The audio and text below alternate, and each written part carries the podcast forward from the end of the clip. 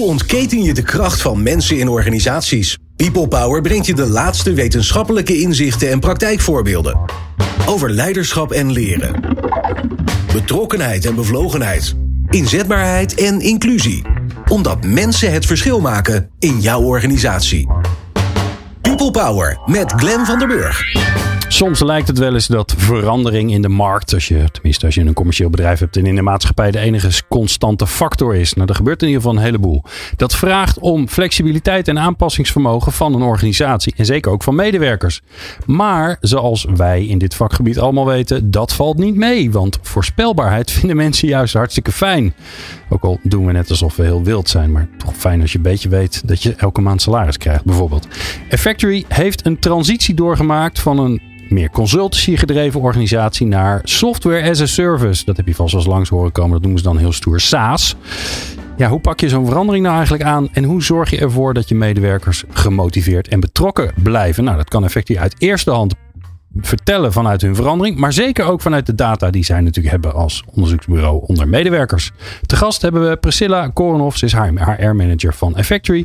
En Arjen Swank, die altijd te gast is als we het, als we het over Factory hebben. Want die vindt het veel leuk. Veel te leuk in de studio. Uh, senior Engagement Specialist. Ook van Factory. En wij vinden het in ieder geval heel fijn dat jij luistert naar People Power. People Power met Glenn van den Burg. Priscilla en Arjen, leuk dat jullie er zijn. Um, ja, want uh, jullie zijn een heel leuk bedrijf. Dus dat uh, maakt het leven een stuk makkelijker. Arjen, al bij, bij verandering vergeten we nog wel eens te vragen Waarom was eigenlijk nodig? Dus laten we daar nou eens beginnen, Arjen. Waarom moesten jullie veranderen? Het ging toch hartstikke goed, man? Het ging hartstikke goed en het gaat nog steeds hartstikke goed met de Factory. Dat is zeker niet uh, de aanzet om te veranderen. Maar de tijd verandert en de, de markt, om het zo maar te zeggen, verandert. En de vraag van onze klanten met name, die verandert richting veel continuer, flexibeler, frequenter inzicht in wat er speelt. En je zag dat al, uh, je, je kon de laatste klantendata en, en verkoopcijfers continu opvragen op je Power BI systeem en op allerlei interne systemen. Maar bij HR bleef het soms nog een beetje hangen. En dan bleven organisaties een, één keer per jaar of één keer per twee jaar zo'n onderzoek doen. Maar ja, als je continu inzicht wil en je wil echt inspelen op veranderingen in je bedrijf of in je organisatie, dan moet je wel weten wat er op dat moment speelt. Mm. En ja, als je dan volledig servicegericht, hè, ontzorgd door Effectory zo'n onderzoek uitzet, dan heb je misschien soms ook de behoefte om dat wat meer zelf te doen. Dus ook om een, uh, hè, wij waren een volledig ontzorgend bedrijf. Maar mensen zeiden, joh, ik wil het eigenlijk ook wel een keer zelf gewoon snel, makkelijk, simpel ja, opzetten. Zelf even een paar vragen de organisatie insturen. Precies. En ja, ja dan uh, wil je wat meer vanuit de platformgedachte gaan doen. In plaats van dat je dat uh, ja, bij je consultant of bij je projectmanager moet neerleggen. Dus we hebben eigenlijk onze ja, propositie verandert naar niet alleen ontzorgend. Dat kan nog steeds. Hè. Als jij ontzorgd wil worden, dan zijn we er voor je. Maar je kan ook veel meer vanuit je uh, eigen expertise en kunde. Uh, kun je hiermee aan de slag. En kan je met ons platform je eigen surveys uitzetten. Ik kan me voorstellen dat dat een beetje een um, grotere trend is. Nou wil ik hem niet heel groot maken. Maar ik kan me voorstellen dat heel veel um, mensen die luisteren. Die bij een organisatie werken. Dat die dat ook gewend zijn. We zijn natuurlijk gewend, ik bestel vandaag wat, morgen is het in huis. En als het een paar dagen duurt, dan gaan we ons zorgen maken. Is het wel goed gekomen? Is mijn pakje niet gejat? Uh, maar dat geldt natuurlijk ook voor, voor ja, hoe het met je is. Hè? Je, kunt, je kunt bijna zelf aan je, aan je smartwatch aflezen of je nog wel een beetje lekker in je vel zit. En aan je... Um, um, um, hoe het? En aan je weegschaal. Ja, het wordt heel persoonlijk nu gelijk ineens. Ik kan wel wat kilootjes kwijt na de vakantie. Maar dat is een heel ander verhaal. Um, maar dat, dat, dat, dat snellere, kortere, korter op de bal, dichter bij de klant, uh, dichter bij het nu. Ja. Uh, data meer gebruiken zit natuurlijk ook heel erg in. Ik kan me voorstellen, een paar jaar geleden dat congressen heel erg over de HR en analytics. Ja, HR, HR mensen moeten meer als soort marketeer gaan kijken en veel beter snappen van ja, wat, wat gebeurt er eigenlijk in de organisatie. Maar dat zit erachter. Nou, dat, dat is een gedeelte. Kijk, en ik denk dat we uh, zeker de medewerkers centraal moeten stellen. Want die vraag verandert ook. We krijgen veel meer jongere generaties op de vloer. En die hebben een ander idee bij wanneer ze op welke manier feedback geven. Als jij op Twitter nu een, een recensie plaatst over je laatste vlucht uh, naar Spanje. Ja, dan hoop je maar dat ze eh, ja, maximaal binnen een uur zeggen: Sorry, uh, je krijgt je geld terug. Meestal. Ja, ja de snelste manier om inderdaad organisaties aan de praat te krijgen is klaar op Twitter. Ja, iets publiek maken. Maar goed, de jonge generatie hebben, hebben besteden een, een, belangrijk stuk van hun tijd aan werk. Zoeken daar ook bepaalde voldoening in. Maar willen daar ook feedback over geven. En ook eigenaarschap voor hetgene wat ze kunnen verbeteren. En hoe doe je dat? Ja, door je mening te delen. En ja, hopelijk is je manager uh, bereikbaar. Of kun je daarmee gewoon op een, op een persoonlijk contact uh, een keer wat, wat bespreken. Maar ja, als jij in een grote corporate zit met uh, 20, 30, 40.000 mensen wereldwijd. Hoe word jij als één individu dan gehoord? Hmm. En dan is toch zo'n zo'n survey wel een hele mooie manier om snel makkelijk te delen. En dan voel je je ook gehoord als daar wat mee gebeurt. En daar willen, nou ik denk alle, alle mensen willen gehoord worden. Maar zeker jonge generaties zeggen hallo, ik wil gehoord worden. En als ik dat niet zie, ja, dan uh, ben ik bereid om daar eventueel voor te vertrekken. Maar ja, een van de meest waardevolle dingen, kan ik me voorstellen als factory die je hebt, is dat je al jarenlang een gevalideerd onderzoek uitvoert, waarbij je ook heel veel referentiedata hebt, hè, wat, je, wat je zorgvuldig hebt opgebouwd, wat je langzaamaan voorzichtig aanpast over de tijd, omdat je nieuwe inzichten krijgt. En nu ga je ineens hapsnap korte dingetjes doen. Dat is, dat is ook qua filosofie bijna anders. Ja, gedeeltelijk. Omdat we er nog steeds in geloven dat je die, hè, die, die basis, die hou je. En die vul je aan met veel continuer, makkelijker opvolgen. Dus waar je eerst misschien zei, goh, wat is er volgend jaar veranderd? Of wat hebben we vorig jaar gezien? Kun je nu zeggen, we pakken er een topic uit. Hè, misschien uh, gaat het over uh, inspirerend leiderschap. Daar hebben we twee uh, enorme maanden in geïnvesteerd. En daar gaan we nu opvolgen, twee maanden later, puur alleen op dat onderwerp. En dan kun je dus even zien van, hey, zitten we op de goede weg? Kleine check-in. En dan kun je weer door. Hmm. In plaats van dat je pas een jaar later ziet dat datgene wat je dacht dat een goed idee was, helemaal niet gewerkt heeft. En dan zit je te wachten op uh, de volgende cyclus. En nou kun je zeggen, ja, dit is gewoon, uh, is gewoon een uitbreiding van je productportfolio. Maar jullie zijn hier omdat het een, een, uiteindelijk een organisatieverandering is. Waarom, waarom is het dan niet gewoon maar een, het toevoegen van een aantal producten? Ja, uh, nou, goede vraag. Dus we zijn niet alleen veranderd in, het, in de propositie of in het aanbod. Het gaat ook echt om andere mensen. Dus je ziet dat je voor het uitrollen van deze uh, ja, meer SaaS-gerichte gedachten. En wij noemen het dan Survey as a Service. Dus het, het platform werkt, maar de onderzoeken die worden ook echt uh, via dat platform ingepland. Je gaat veel meer zelf in de regiestoel. Uh, vraagt ook om andere mensen aan je organisatiekant. Dus we hadden eerst echt projectmanagers die, en, en projecten. En die uh, worden eigenlijk veel korter, veel uh, frequenter uitgevoerd. En ja, je hebt veel meer ontwikkelaars nodig. Je hebt veel meer uh, IT-capaciteit nodig. Je projectmanager wordt een customer success manager. Nou, een rolverandering. de rol van de consultant wordt kleiner juist. Organisaties zeggen wij zijn veel volwassener geworden in onze feedback. Dus wij mm. gaan dat veel meer zelf doen. Nou, zo verandert eigenlijk Effectory ook mee. En die SaaS-propositie, ja, die vraagt ook om een ander uh, abonnementsvorm. Dus in plaats van per project. sales is ook anders. Precies. Dus sales en marketing verandert. Nou, Effectory groeide natuurlijk ook enorm in het buitenland. Dus ook daar zat een verandering in. Andere profielen van mensen die veel meer internationaal georiënteerd waren. Ja, en alles bij elkaar heb je zo ineens een uh, organisatieverandering op je handen. Ja, en ik, ik fysiek, uh, want jij staat links van mij, Arjen, en rechts van mij staat Priscilla. Dus ik draai nu ook fysiek mijn aandacht naar Priscilla. Heel goed. Want jij bent de HR-manager bij Effectory. En dan denk ik, ja, nou, hè, dan gebeurt dit. Is het dan, wanneer word jij dan erbij gehaald? Want dit gaat ook over mensen. Sterker nog, het gaat vooral over mensen. Zeker. Nou ja, bij de plannen. Aan het dus, begin. Aan het begin, ja. ja dus, um, dat zal niet altijd gebeuren, kan ik nee, maar zo Nee, dat klopt. Is gelijk onze eerste tip. Toch? Dat is zeker ja, Verandering gaat over mensen. Nou ja, en, en niet alleen uh, uh, de impact direct op de mens, maar ook het vooruit kunnen zien wat er eventueel gaat veranderen in proces, in communicatie. Wanneer haak je ze dan aan? Um, ja, reali realiteit van de plannen, ook in de uitvoering. Dus ook de praktische kant ik, uh, wat ik kan meebrengen of wat ik heb meegebracht, is ook direct de vertaling van oké, maar we willen dit doen, maar weet wel, het effect is dit, dit en dit. Ja. En uh, de uitwerking, nou, daar heb je echt wel minimaal deze periode voor nodig. We hebben ook nog een uh, ontwikkelperiode waar we ons op moeten gaan richten. Dus zijn die plannen dan wel realistisch of niet? Dus um, door echt in het begin aangehaakt te zijn bij het idee, bij daarnaast ook de uitwerking, maar ook überhaupt de productpropositie wat heeft dat dan voor een effect op hm. verschillende processen? Welke taken komen daar dan uit? Als we dat dan leggen naast de taken die op dit moment worden uitgevoerd door bijvoorbeeld projectmanagers, wat is dan al het verschil? Wat kunnen we zien? Is zo'n rol passend?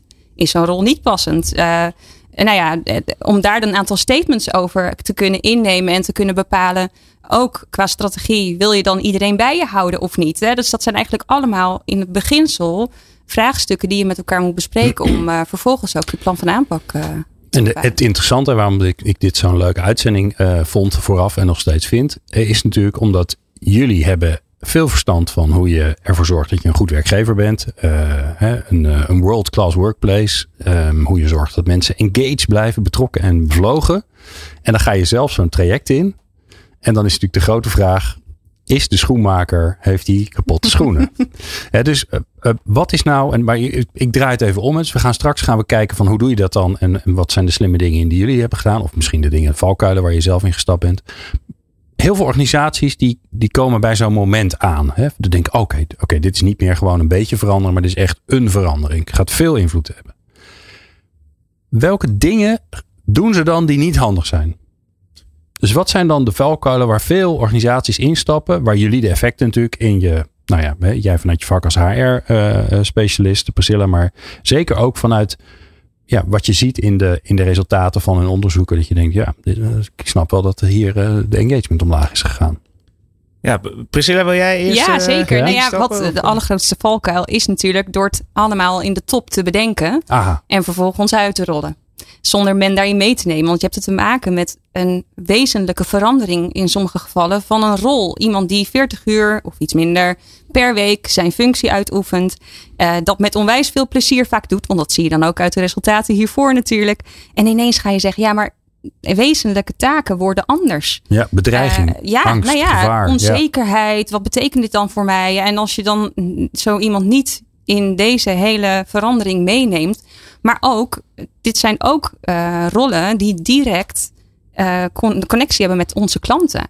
Dus hoe belangrijk is het dat je ook juist die input meeneemt? Hoe dicht wil je op de klant zitten en uh, de, direct die feedback ook vanuit de klant meenemen? Ja. Um, Oké, okay, dus valkuil ja. één is ja. mensen niet betrekken. Oftewel, je bedenkt het ergens in een kamertje of in een, hè, zoals zo mooi heet, de, de grote ivoren toren. Mensen die er trouwens in die ivoren toren zitten, die hebben niet het idee dat ze er zitten. Hè? Dat wordt altijd gezien vanaf de onderkant. Precies. Die hebben we. Arjen, wat is nog meer een valkuil? Oh, ik denk onvoldoende uh, de relevancy, what's in it for me. Dus uitleggen waarom. Dus het zit een beetje gelinkt, denk ik, aan die toren. Wij hebben bedacht dat dit een goed idee is en nu gaan we het doen. Maar wat is jouw individuele bijdrage aan het geheel? Dus de, de, de okay. waarom doen we dit eigenlijk? En met name. Betekenis geven voor het individu. Precies. Ja. Ik denk dat dat nummer twee is. Ja, er wordt altijd gezegd de urgentie creëren. En natuurlijk, urgentie geeft ook draagvlak voor ver verandering. Ja, maar je hebt verschillen in het creëren van urgentie. Hè? Je kan mensen meenemen in de uitdaging waarin je staat. En neem je ze dan mee als uh, de kosten en de omzet, uh, kosten hoog zijn, omzet uh, al maandenlang, ja. jarenlang tegenvalt. Op welk tijdstip neem je ze dan mee in die verandering? En in dat vraagstuk, en dat is wel ook communicatie ook op voorhand. Hoe communiceer je over hoe het gaat met je organisatie? Okay. Um, ja, en, en ook hoeveel ruimte krijgt iemand dan om ja, daarover ja. in gesprek te gaan. Maar ik kan me heel goed voorstellen dat mensen die zeg maar op, op een gegeven moment bedenk je, het gebeurt toch waarschijnlijk niet tegelijk met iedereen, maar je bedenkt op een gegeven moment met een aantal mensen, maakt niet uit waar ze zitten. Hm, er is iets aan de hand. We moeten echt iets. Ik denk dat we nu iets moeten gaan doen. Ik kan me voorstellen dat heel veel mensen denken: ja, maar daar wachten we nog even mee om dat allemaal te melden. Want je, je weet het eigenlijk nog niet precies. En uh, dan gaan we alleen maar onduidelijkheid creëren. En daar wachten we mee. En dan een week later wachten ze nog. En een week later wachten ze nog.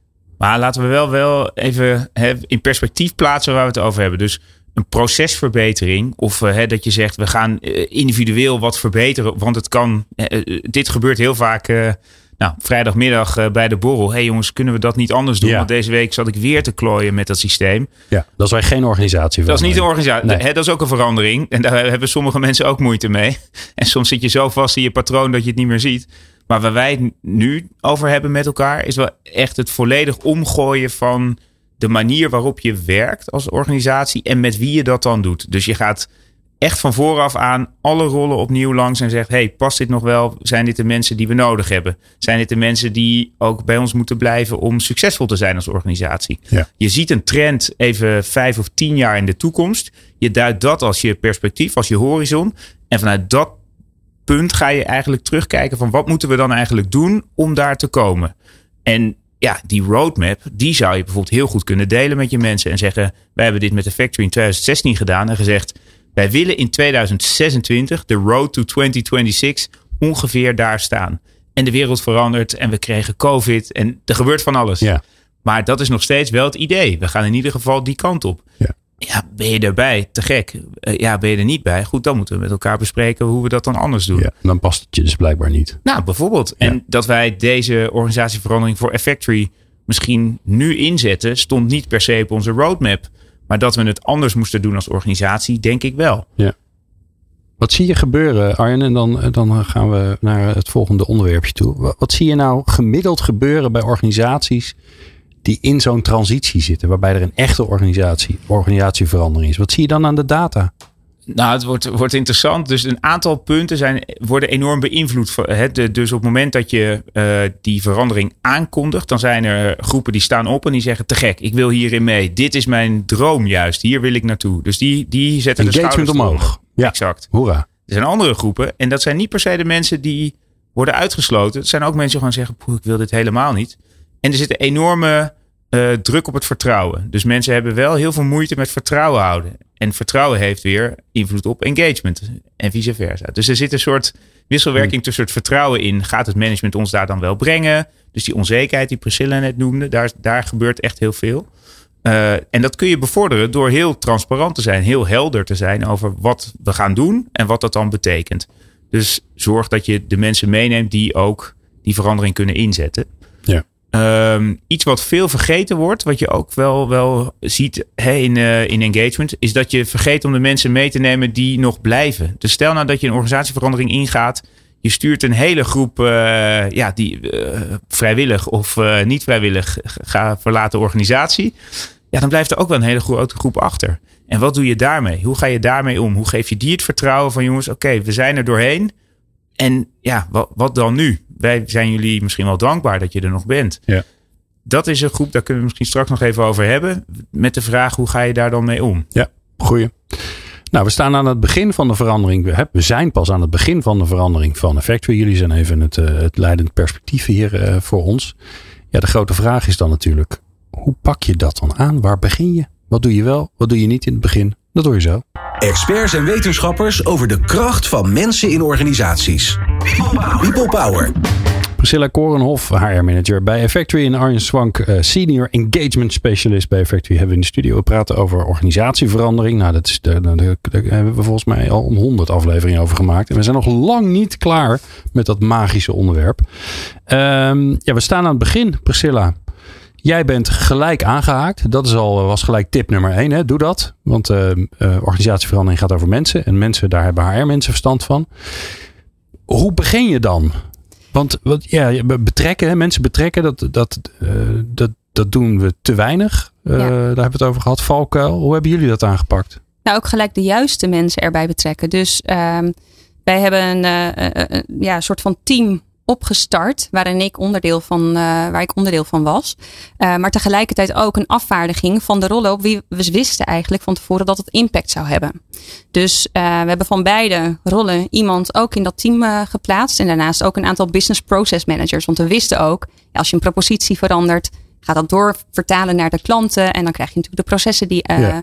die ook veranderen daarin. En, ja, en vanuit dat oogpunt eigenlijk ook echt wel meegedacht naar hoe zien die processen er dan uit? Ehm, wat voor impact heeft dat dan? En als we eh, bepaalde processen samenvoegen en dit wordt de rol, ja, hoe ziet het er dan in de markt uit? Want wij kunnen wel weer zelf rollen definiëren waarvan wij denken, nou, dat is dan de effectory manier. Maar ja, is dat dan realistisch als je kijkt en, en leert van andere bedrijven die al veel verder zijn in het SaaS-stuk? En hoe voor, eh, kijk, want ik, ik, wat, wat is dan je beginpunt? Want je haalt in zo'n organisatieverandering haal je er steeds mensen bij. En die moet je iets vertellen. Die moet je een soort uitgangspunt geven. Zeggen van joh, weet je, dit, eh, dit is waarom we het gaan doen. Of dit is hoe ver we zijn. Gevaar is natuurlijk dat je continu discussie krijgt. Hè? Want ik kan me ook voorstellen dat mensen zeggen... ja, dat SaaS joh, dat, zal allemaal wel. Tuurlijk is het belangrijk. Maar dat andere is ook belangrijk. Hè? Die houden daar nog aan vast. Dus hoe, hoe doe je elke keer een stapje terug... eh, en om dan weer vooruit te gaan? Eh, nou ja, ook zelf onderzoeken doen. Dus ook kijken wat de visie en, en de aannames die je doet, eh, die ook gaan toetsen. Dus ook op marktonderzoekniveau. Ehm en laten we ook niet vergeten dat wij ongeveer elk kwartaal zelf minimaal meten in de periode ook daarvoor. Dus we hebben altijd heel frequent gemeten en helemaal in de COVID, eh, COVID-tijd. Dus ook niet alle elementen komen als een verrassing. Want Hmm. juist omdat mensen input kunnen geven, zie je ook, ook wel veranderingen aankomen. En, en weet men ook, ook omdat we dat steeds weer teruggeven, dat we op een gegeven moment op een moment komen dat er veel meer draagvlak is en er ook geloof is in die verandering. Oh, maar dit is al een hele mooie. Ja. Hè, maar Dus, dus als, je, als je je beseft dat de verandering die je, die je door gaat maken, dat dat voor mensen een verrassing is, dan heb je eigenlijk in het verleden iets niet handig gedaan. Dan moet je gaan herstellen. Klopt. En Ja. wat jij zegt is, omdat wij dat gesprek de hele tijd gaande houden, kunnen mensen zien dat die verandering van oké, meer naar een soort platformgedachte waar mensen zelf, hè, waar klanten zelf gebruik van kunnen maken, dat is al besproken, dat, dat is geen nieuws. Dat is niet uit, het, uit de lucht komen vallen. Nee, en Zo van, helemaal ik heb niet. een briljante ingeving, we gaan sasen. Nee, nou, nee helemaal niet. Nou ja, en ook wat, eh, wat Arjen net ook zei, is eh, veel klanten wilden zelf ook actief gaan meten en zelfstandig meten. En eh, dus heel veel eh, van onze collega's hoorden ook al dat, nou ja, is er, zijn er geen andere mogelijkheden. Ja, ja. Dat hoorden we binnen sales, dat eh, kregen we terug als, als projectmanagers en als consultants. Dus, en dat kregen wij dan weer terug. En natuurlijk ook gewoon direct, want we zijn niet alleen maar via de puls aan het communiceren, maar ook gewoon met elkaar in dialoog. Maar ook dus via verschillende pulses en medewerkersonderzoeken. Ja, dus die klantsignalen, hè, wat dus eigenlijk een soort voorloper is van de nieuwe strategie, zou je kunnen zeggen, die kwamen al de organisatie in. En hoe kwam het dan dat ze. En wat, wat je vaak ziet is dat er in een organisatie, als die wat groter is, dat een deel van de mensen heeft contact met de klant en een heel groot deel ook niet. Dus hoe, zo- hoe kan het dan dat bij jullie dat toch doorcijpelt? Ehm, omdat we eigenlijk elke puls ook terug communiceren. Dus ook een bredere plaatje schetsen naar iedereen. Eh, en dat doen we in company updates, zoals wij ze dan, eh, dan noemen. Ehm, en dan delen we überhaupt waar we staan, waar we naartoe gaan, hoe we daar willen komen. Maar ook met de input van mensen, eh, wat is de beleving? En door dat continu te delen, ja, zorgen we er ook voor dat de rest op de hoogte is. Dus heel veel van wat je moet doen, dat deden jullie eigenlijk al. Hè, want bij voor mij bij organisatieverandering geldt, je kunt niet te veel communiceren. Maar als je daarvoor niet communiceerde of nauwelijks communiceerde, heb je wel een, heb je wel een vraagstuk. Ik hoor je eigenlijk zeggen, ja, we hadden al heel veel kanalen waarin we continu mensen op de hoogte hielden van hoe gaat het, wat zijn die ideeën, wat krijgen we voor dingen terug vanuit klanten. Ja, dus als je nu luistert en denkt, wij hebben dat niet, dan heb je al de volgende tip te pakken. Dus be- bereid je al voor op de organisatieverandering die er nog niet is. Door dit allemaal te gaan doen. Toch? Klopt. Maar Ja. goed, je kan je ook afvragen. Organisaties in deze tijd, en wij zien dat ook. We zijn eigenlijk altijd wel in verandering geweest. Want als je luistert naar je collega's en je wil een goede werkgever zijn, eh, dan moet je ook blijven aanpassen aan wat je terugkrijgt. En ehm, we hadden het net ook over eh, één keer per jaar dan zo'n onderzoek doen en waarom je dan meerdere keren per jaar dat zou moeten doen.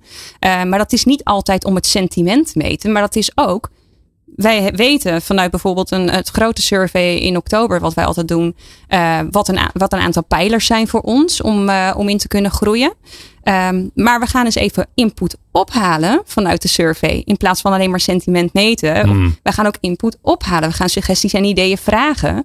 Om meer invulling te geven aan een thema eh, waarvan we weten dat zoiets speelt. Ja. En dus kun je ook die signalen over. Hé, hey, maar wacht eens even. Ik hoor van de klant nu meer dit en minder dat. Dat zijn van die signalen die je ook via jullie pulssurveys ophaalt. Klopt, want dat Ja. doet uiteindelijk iets met de collega natuurlijk in die rol. En dan zeg ik even iets geks. Jij, hè, bij jullie is dat natuurlijk anders. Maar in de regel is het zo dat als het gaat over het medewerkersonderzoek, dan is dat van HR. En hier haal je eigenlijk strategische informatie op. Namelijk, wat is de richting van de organisatie? Wat vinden onze klanten van me? Wat horen we van onze collega's? Wat klanten van ons vinden? Dat is gek, want dat past niet in jouw vakje als HR-mens, Priscilla. Dus wat doe jij met die informatie? Dat is marketinginformatie of strategieinformatie. Moet je een ander vakje? Ja, maar, ja, wij denken niet zo in vakjes. hè? Nee, Ik ja. denk dat is ook een Jullie beetje niet. het. eh, eh, en, en laat ik even vooropstellen dat we niet eh vooruitvragen hoe denkt de klant hierover specifiek of echt specifiek. Dat zijn ook klantonderzoeken, dus het is weer echt een andere vorm. Eh, maar het sentiment wel, wat, wat men heeft en de beleving over de rol, die wordt voor mensen in een nou ja, client-facing rol, zeg maar, echt bepaald door het contact met de klant. En als contact eh, met de klant niet fijn is, omdat die ontevreden is over de processen die we net hebben geïmplementeerd, dan krijgen we Ja. ze terug. En dan is het seintjes. ik zie het altijd als HR is de verbinding, eh, een soort van lijm in de organisatie. Die heeft overal verbindingjes. En dan is het even een seintje richting. Ja, dus ben je overal van. Nou ja, Zolang het om mensen gaat, ben je overal Precies, van. ja. Je hoeft niet Zolang alles het te doen. impact heeft op mensen. Ja. ja maar HR is er ook een supportrol, zeg maar, voor de organisatie in principe. Je bent een van de belangrijkste functies in mijn idee. Tegelijkertijd ben je ook support voor, voor de business. Dus als, jou, ja, als jouw voelsprieten aangaan binnen de signalen die je krijgt, lijkt het me logisch dat je die aan, naar de tafel brengt. Uh, en tegelijk proberen wij wel organisaties ook te overtuigen dat, hè, even over die survey, dat het een, een, ook wel iets is van de business en niet van HR. En dat blijft toch heel hardnekkig terugkomen van, hé, maar dat, ja, HR is daar toch van. Maar HR is alleen maar, de, de, die faciliteert dat alleen maar. Als het goed is, ben je als manager uh, hè, tot op teamniveau of uh, op je rayon of op je afdeling of op je shift leaders die de nachtploegen aansturen. Of, maar die zijn in contact met hun mensen. En die zouden het belangrijk moeten vinden wat daar speelt. Uiteindelijk, ook ja. als we nu kijken naar de huidige arbeidsmarkt en een hoop vraagstukken over retentie en aantrekken van talent die we terugkrijgen, komen er op neer dat mensen zeggen: joh, ik ben door mijn manager goed of slecht behandeld en daarom blijf ik of daarom ga ik weg. Hmm. Of dit is zo'n inspirerende leider, daar wil ik mee werken. Uh, en ja, het hangt er een beetje vanaf op welk niveau je werkt, denk ik. Of je dat helemaal tot in de boord doorvoert. Maar goed, het is managementinformatie uit zo'n survey. En tegelijkertijd is het ook heel belangrijke, tastbare informatie voor jou als teamleider. Hoe ga ik om met mijn mensen eigenlijk? Ja. Hoe werken wij met elkaar? Ja, dus eigenlijk wat je daaraan hebt is veel rijker dan alleen maar inderdaad, jij noemt het even sentiment. Het is niet alleen maar een thermometer van gaat het goed met onze mensen. Precies. Maar je kan er, je kan er eigenlijk veel meer mee dan dat. Ja, ik gebruik het zeker als input voor ook de plannen die we hebben. Um, het kwartaalplan bijvoorbeeld. Uh, natuurlijk heb je wel verschillende thema's waarvan je weet dat ze spelen. Uh, maar als het gaat om input ophalen, dat is dus ook een heel goed middel voor. Um, en ja. daarnaast natuurlijk gewoon de gesprekken die je ook moet blijven voeren. Want ja. het is niet alleen maar de survey. Oké, okay. dus conclusie. Het is handig als je al, zeg maar, voordat je organisatieverandering begint, uh, je communicatielijnen en je, je, je, contact met je medewerkers op orde hebt. Uh, dus als je dat niet hebt nu, dan heb je daar even wat werk te verrichten. Um, dus dat was allemaal mooi. Wat zijn jullie extra dan gaan? Nee, ik, ik, wil eerst nog even naar het andere. Uh, um, jij bent medewerkers gaan betrekken. Zo, hè, belangrijke tip. Zorg dat, het, dat, de, dat die mensen erbij zijn. Hoe maak je daar keuzes in? Want eigenlijk wil je dat iedereen betrokken is, maar je wil geen Poolse landdag, want dan is er niemand meer aan het werk. Nee. Dus hoe, hoe bepaal je hoe groot groepen zijn of hoe klein groepen zijn? Wat doe je met intensief? Wat doe je met meerdere? Nou, we hebben wel gekeken naar motivatie. We hebben dus uh, er ook echt een vacature voor uitgezet. Hm. Onderdeel zijn van dit team om mee te denken uh, in, aan onze toekomst. En, uh, ah, het is werk. Ja, nou ja. Het is niet, ja. En wat je ziet is dat sommigen zich inderdaad hebben aangemeld, maar dat ook heel veel in het team al zelf besproken werd. Dus uh, het was gewoon een gesprek. hey, wie gaat zich, uh, wie wil heel graag meedenken in dit, uh, in dit team? Nou, ga ik me daarvoor aanmelden of wil ik me daarvoor aanmelden? En dat eigenlijk al vanuit teams soms iemand naar voren werd geschoven van hé, hey, maar ja, die ja. zou het het beste kunnen doen. Ja. En ja, dat maakt het natuurlijk een stukje makkelijker voor ons. Want dan heb je niet zo'n hele lange sollicitatieprocedure waar je tien mensen in moet teleurstellen. En dat was het dus ook niet. Hm. En dan heb je ook de juiste, de wil, de, nou ja. En ook draagvlak vanuit het team. Dat die persoon die in dat team komt, uh, ook de juiste beslissingen daarin maakt. Maar je bepaalt dan wel dat je, van, dat, je, dat je die fijnmazigheid wil hebben. Ja. Dus een team kan niet zeggen. Ah, gaat niet over ons. Of nee, we, we, geloven wel dat die anderen dat voor ons fixen. Of we hebben het druk. Nee, nee, nou ja, ja. we hebben gewoon iemand die daar dan vanuit die rol ja. aanhaakt. Ja. Uh, maar het betekent niet dat zij geen input meer kunnen geven. Want we hebben daarnaast nog steeds. En je zei net van, hey, wat, hebben, wat doen jullie nog meer dan? We hebben bijvoorbeeld ook drie wekelijkse uh, inchecks gehad met dat hele team. Dus even losstaand van het team uh, waar ik onderdeel van was, die dat dan uitdacht. Um, toetsten we ook continu wat we hebben uitgedacht en, en de status updates van waar we waren. Uh, weer terug bij het team. En er is tegelijkertijd ook een pilotteam gestart. Hè, die, waar, basis waarvan we dan uh, op experiment gingen kijken naar werken die rollen dan? Hoe zien die rollen eruit? Wat kan wel bij de klant, wat kan niet? Um, en dat weer teruggebracht naar die teams. hey, zo ziet die rol er ongeveer uit. Uh, jullie input. Um, dus we zijn buiten dat we dus en input ophaalden vanuit de survey, er een vertegenwoordiging was in een team die daar dus over meedacht, hebben we ook continu die plannen weer teruggelegd. Elke drie weken ging, ging je dus in gesprek met alle teams die hen, ik zie het team maar even, want we hebben gebruikt het team nu op zeven minuten. Ja, dat is bij mij een soort ontploffing in mijn hoofd. Hè, soms denk je wel eens, had ik maar een flip over, maar dat werkt niet op de radio. Um, uh, de teams zijn de mensen die het werk doen. Hè? Ja, dus bijvoorbeeld het team, de consultants, ja. uh, als dat een team is. En dan ging je dus elke drie weken, kwam je terug met de plannen door te zeggen, oké, okay, dit zijn we van plan, dus hem zo.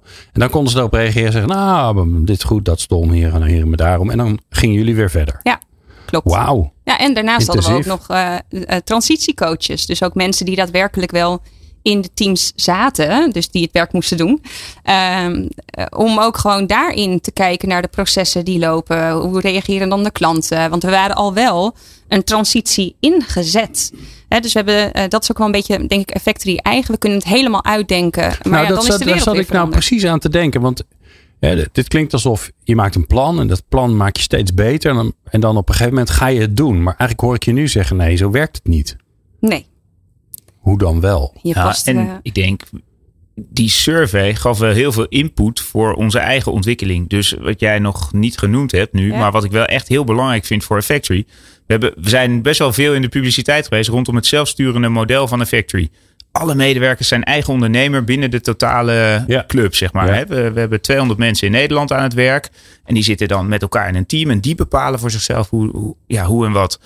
En ja, er kwam eigenlijk feedback in onze surveys na verloop van tijd dat we die verandering waren ingezet. Die zeiden: wij hebben behoefte aan sturing. Wij hebben behoefte aan meer sturing dan wat ons hè, directieteam uitzet vanuit de visie. En vroeger was het idee van de factory. De directie zet de visie uit en dan vullen wij het als team het in. Wij zeggen de, de, de, de why, zeg maar. Ja. Uh, maar de hoe, dat mag je helemaal zelf gaan bedenken. Als je maar naar die doelen gaat waar we met elkaar naartoe willen werken. Dit jaar is dit waar we naartoe willen met elkaar. Bedenk maar Succes. hoe je het gaat doen. Ja. Nou, prachtig uh, democratisch model misschien, maar niet altijd even effectief. En zeker in tijden van verandering was er gewoon een roep om sturing. Tuurlijk, dan hebben mensen uh, hebben de duidelijkheid en houvast nodig. Precies, ja. en juist dat was hetgene waar ze nu dus, dus in misten. Dus is er een teamlead structuur opgetuigd, waarin teamleads, hè, dus, dus ieder team kreeg een teamlead eigenlijk, waar die terecht komt met onzekerheid, maar ook met, uh, joh, geef ons richting. En dan wordt het natuurlijk ook wel wat makkelijker om uh, ja. verandering in te zetten. Want dat gaat dan via de teamleads, kun je daar ook weer mee sparren ja. vanuit de directie. Dus klinkt als een manager. Ja, nee. dat was natuurlijk een woord wat bij, bij Effectie nee. eigenlijk niet gebruikt. Nee, daarom. maar, nou, en, maar ook hoe we dit weer hebben aangevlogen is denk ik ook wel weer bepalen. Ja, zeg wel iets over hoe wij uh, denken. Want ook dit, um, we zagen het dus gebeuren. We kregen het vanuit de survey terug. Um, een aantal teams binnen Factory had zelf al bedacht dat er iemand in het team een teamlead werd. Ja. Dus we hadden eigenlijk al een niet bestaande, officieel niet bestaande teamlead structuur. Um, ja, en hoe lang laat je dat dan voortbestaan? Laat je dat dan maar gewoon zelf ontstaan of niet? En eigenlijk kregen we steeds meer uh, feedback daarover. En toen zijn we eigenlijk parallel aan het andere, uh, nou ja, aan de transitie, aan de verandering die, uh, die op rolniveau al gaande was, zijn we ook dit gestart. En toen hebben we ook in medewerkerssessies, maar daar iets meer draagvlak, echt wel in, in 20 sessies per keer. drie sessies hebben we daarover gehad. input opgehaald van hé, hey, maar wat gaat dan nu goed? Want we, ja, het heeft ons ook gebracht. Iets heeft ons gebracht, hier gebracht. Hmm. Mm. Uh, en dat zijn ook kwaliteiten. En uh, dat zijn, is ook uh, autonomie in het werk, de vrijheid van handelen die je, die je hebt. En die mocht absoluut niet verloren gaan. Dus hoe kunnen we dan een goede nou ja, leiderschapsstructuur implementeren. Waarbij we eigenlijk wel behouden wat ook heel erg goed voor ons heeft gewerkt. En dat hebben we uh, dus in verschillende uh, medewerkersgesprekken gevoerd. Uh, met, ja. En wat wel interessant is natuurlijk, dat dat in tijden van zo'n grote verandering er dus blijkbaar andere behoeftes zijn dan als het wat stabieler is. Ja. En, dat je, en dat vind ik wel mooi, maar daar ben ik wel straks benieuwd naar. Daar gaan we nu geen antwoord op geven. Is dat dan tijdelijk of blijft dat dan? Dat hoor je zo. Leiderschap, leren, inzetbaarheid en inclusie. De laatste inzichten hoor je in People Power. We zijn uh, bijzonder leuk, tenminste ik vind het zelf heel, heel erg leuk, uh, in, uh, in de verandering van een factory aan het duiken. Met Priscilla Korenhof, die daar um, zich met HR bezighoudt. Ik wilde zeggen verantwoord, verantwoordelijk is bij, voor HR, maar dat vind ik niet bij jullie passen. En Arjen Swank, die heel veel verstand heeft van engagement. Um, wat ik mij net zat te bedenken, Priscilla, is dat, um, en dat was natuurlijk de cliffhanger. Er komen signalen vanuit de organisatie die zeggen, hey, eigenlijk missen we dit. Eh, jullie pikken die op. Dan vervolgens ga je dan in dialoog en in gesprek, uh, allemaal sessies. En dan komt eruit, we hebben een teamlead nodig. En dat is natuurlijk maar een naampje. Hè. Ik zei al flauw, dus gewoon de managers weer terug. Maar hoe, hoe, hoe vul je dan in wat die teamlead is? Dat doe je dus ook met elkaar. Oké. Dus ook dat hebben we uh, vormgegeven met input van, die we hebben gekregen. Um, daar hebben we uiteindelijk hebben we een, ja, een concept rolprofiel. Ja, dat is Ja, toch een rolprofiel. Want mensen willen wel weten wat er van ze verwacht wordt als ze in die rol terechtkomen. Ja, want je moet toch iemand vragen of hij dat wil doen. En Nou je moet dan ja tegen zeggen. Precies, ja. Nou ja, en wat, en wat doe je dan? Dus we hebben wel ervoor gekozen om geen leiderschap van buiten te halen. Want we geloven dat eh, de kracht eh, intern zit. En eh, we hebben dus wel een sollicitatieprocedure gestart. Dus mensen konden daar gewoon op solliciteren. We hebben wel gekeken naar verschillende leiderschaps. Ehm, eh, ja, kwaliteiten die dan, eh, die dan nodig zijn en skills. En vooral de wil om daarin te ontwikkelen, getoetst. En eh, we hebben eigenlijk in deze hele transitie gezegd: ja, je hebt dat niet willen, niet kunnen, zeg maar. Ook in de rollen die veranderen. Eh, als je wil, dan gaan wij ontwikkelen. En dat hebben we nu het afgelopen half jaar ook al gedaan. Dus mensen zijn ook echt één dag in de week vrijgesteld van hun werk om te ontwikkelen. Oh, wauw. Dus eh, we geven heel veel skilltrainingen, maar ook kennistrainingen. Oké, maar En dit dat- vind, oh, Ja, zegt iets ja, ja. interessants. Dus ik moet ze nu dan even op pauze drukken, want anders dan dender je eroverheen. Dit is interessant. Als je een organisatieverandering aan het doen bent, dan kost dat dus tijd. Zeker En die weten. tijd moet je dus organiseren. En wat jullie gedaan hebben, is dat je gezegd hebt: oké, we gaan van mensen vragen om andere dingen te doen. En dus heb je daar tijd voor nodig. En die ruimen we in. En dat maken we ook formeel. Klopt. Waarom is dat nodig? Jullie zijn zo'n lekkere vrije organisatie met zoveel verantwoordelijkheid voor mensen. Eh, Ik heb zelf in mijn tweede boek eh, daar een mooi verhaal over geschreven. Eh, Super inspirerend. Volwassen mensen allemaal. En toch heb je dus blijkbaar nodig, vinden jullie, dat je zegt: oké, je hebt een dag in de week ruimte. Ja, heel veel vrijheid. En, eh, maar dus ook heel veel ondernemerschap. En verantwoordelijkheidsgevoel. Dus als je die tijd niet inruimt, dan ruimen ze hem zelf in voor de klant of voor Hm. het werk. En ehm, ja, dan komt er vanzelf minder tijd voor eigen ontwikkeling. En we vinden dat zo belangrijk. Helemaal de transitie dan, zoals wij die noemen, waarin we zitten. eh, dat mensen echt goed gesteund, zich gesteund voelen. Zowel eh, nou ja, op mentaal vlak. Dus dat er ook echt ruimte mentaal komt voor die ontwikkeling. Ja. Als eh, daadwerkelijk de skilltrainingen, kennistrainingen. dat we dat gewoon echt in een trainingsprogramma hebben gegoten. Ja. Zie je dat terug, Arjen? Ik kijk steeds maar even naar jou om te kijken of het, of het niet een, een soort bijzonder Gallisch dorpje is dit, maar of het, of, of er wat breder les uit te trekken. Nou, nee, Zie je dat in organisatieverandering dat zeg maar tijd hebben, eh, druk voelen, eh, denken van ja, ik moet van alles en er komt alleen maar meer bij, dat dat een ding is? Ja, absoluut. En laten we wel zijn, wij veranderden vanuit, eh, ja, hoe moet ik het zeggen, vanuit een luxe positie. Hè? Wij, we hadden niet een organisatieverandering omdat we de omzet keihard terug zagen lopen. En ik denk dat er een hoop organisaties veranderen. Of ineens eh, gedwongen moeten veranderen omdat ze ineens de sales eh, keihard zien droppen. Of omdat er een concurrent de markt op komt die gewoon ja. hun marktaandeel overneemt. Ja, kosten stijgen, ja. Dus er ook een financiële prikkel achter. vaak. Ja, dus, dus hè, bij ons zat daar een heel andere motivatie achter. En ik denk dat dat ook de mogelijkheid geeft om dit soort investeringen te doen en de tijd te nemen. En dat ook hè, dat het belangrijk is, dat staat buiten kijf. Maar dat je ook de mogelijkheid hebt om het te doen, is wel nog wat anders. Dus dat gaf ons wel een, een denk ik, voor Effectory een, eh, een beetje een luxe positie. Voor andere organisaties zit er heel veel eh, vraag op die, op die waarom. Waarom doen we die verandering eigenlijk? En hoe nemen we iedereen daarin mee? En wie hebben we daarvoor nodig? En dat begint dan wel bij de change agents of bij de mensen die verandering moeten dragen. Dus wie zijn nou de mensen die je selecteert om namens jou in die organisatie eh, ja, eigenlijk de, de boodschap te gaan verkondigen. Ja. En wie nemen dat dan mee? En dat hoeven niet altijd je managers te zijn. Dat kunnen ook super betrokken medewerkers zijn. Of dat is een groep eh, innovators die gewoon vernieuwende ideeën heeft. En dat begint misschien eh, met, met je tenen een keer in het water steken en kijken hoe mensen reageren. Nou, voor ons was dat dan een pilotgroep. Ja, dat kan natuurlijk op, op heel veel verschillende manieren. Ja.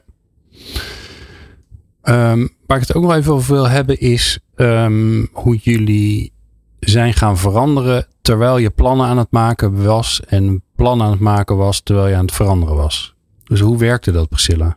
Ja, dat is ook gewoon het doen soms. Dus je kan wachten totdat je de plannen helemaal klaar hebt, een strikje eromheen doen. En nu, nou dan gaan we dan het draagvlak zoeken Ja, voor deze de verandering. En dan. Ja. nou, moet iedereen veranderen. En, eh, en nu zijn we veranderd. Zo werkt het niet.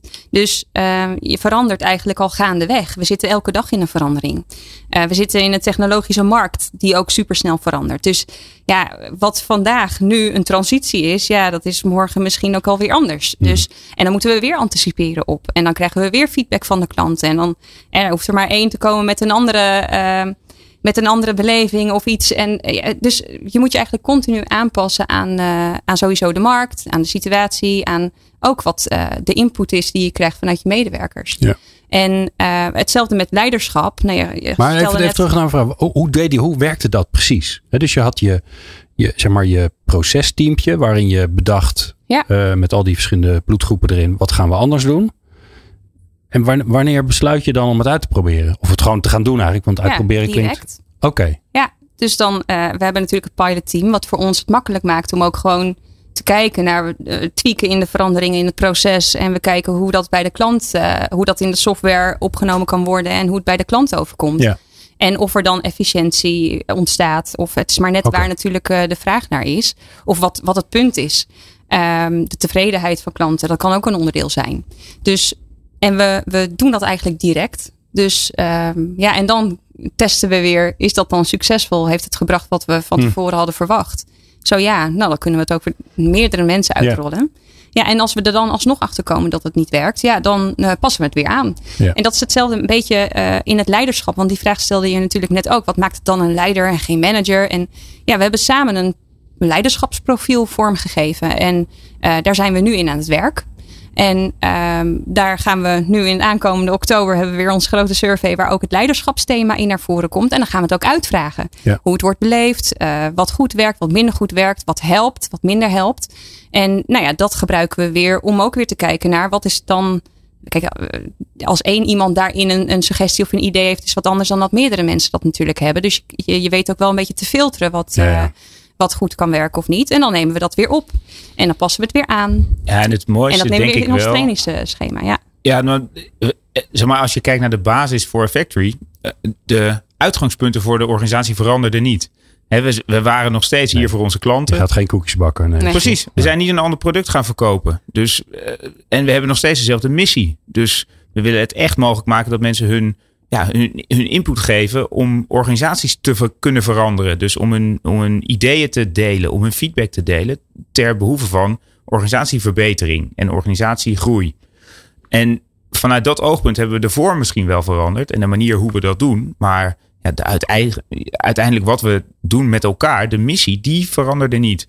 Dus je staat nog wel steeds achter dezelfde doelen. Hmm. En dat bleef continu het, het bijna mantra. Misschien soms voelt het wel als een mantra. Zeker voor mensen die er lang zitten. Van, goh, ja, we weten wel wat de missie is.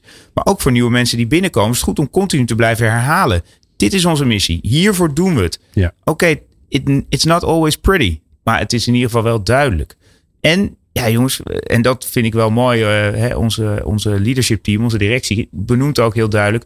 Fouten maken is niet erg. Er- tijdens zo'n verandering worden er fouten gemaakt. Dat gebeurt. Ja. Misschien in de propositie, misschien in de manier hoe je het uitvoert. Niet iedereen is daar altijd even blij mee. Maar ja, als je geen fouten maakt, verandert er ook niks. Want dan doe je, ja, wat was het? Als je doet wat je deed, krijg je wat je kreeg. Ja, dan krijg je niet meer wat je kreeg, hè? Is het eigenlijk. Ja, dus ja. ja, en, en in zoverre denk ik dat dat een heel mooi uitgangspunt is. Als je geen fouten durft te maken, dan zal die verandering ook niet zo snel komen.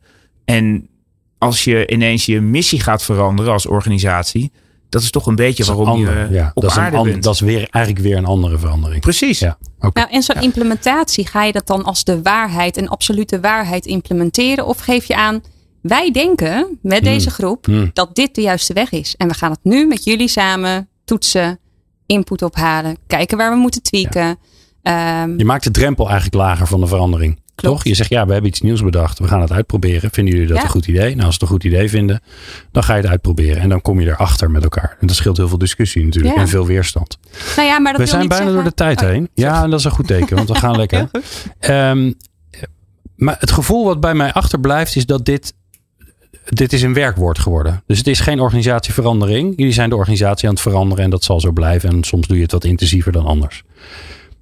ik denk dat voor de luisteraars heel uh, herkenbaar is en ook niet. Dat er ook heel veel beelden in het hoofd zitten van ja, maar bij, bij ons is dat anders. Of wij doen dat anders. Of bij ons kan dat niet. Of bij ons mag dat niet. Of oh shit, we hebben heel veel niet. Wat kan je morgen nou wel doen? Om het weer een beetje kleiner te maken. Dat het niet een soort groot spook in je hoofd is geworden. Dat je denkt, ja, daar ga ik niet aan beginnen. Heb ik geen tijd voor in mijn agenda. Priscilla, morgen. morgen. Wat adviseer je onze luisteraars? Ik zou echt um, luisteren naar je collega's. Welke suggesties en ideeën hebben ze? En hoe je dat doet, uh, dat kan al in een gesprek bij, de koffie, bij het koffiezetapparaat zijn.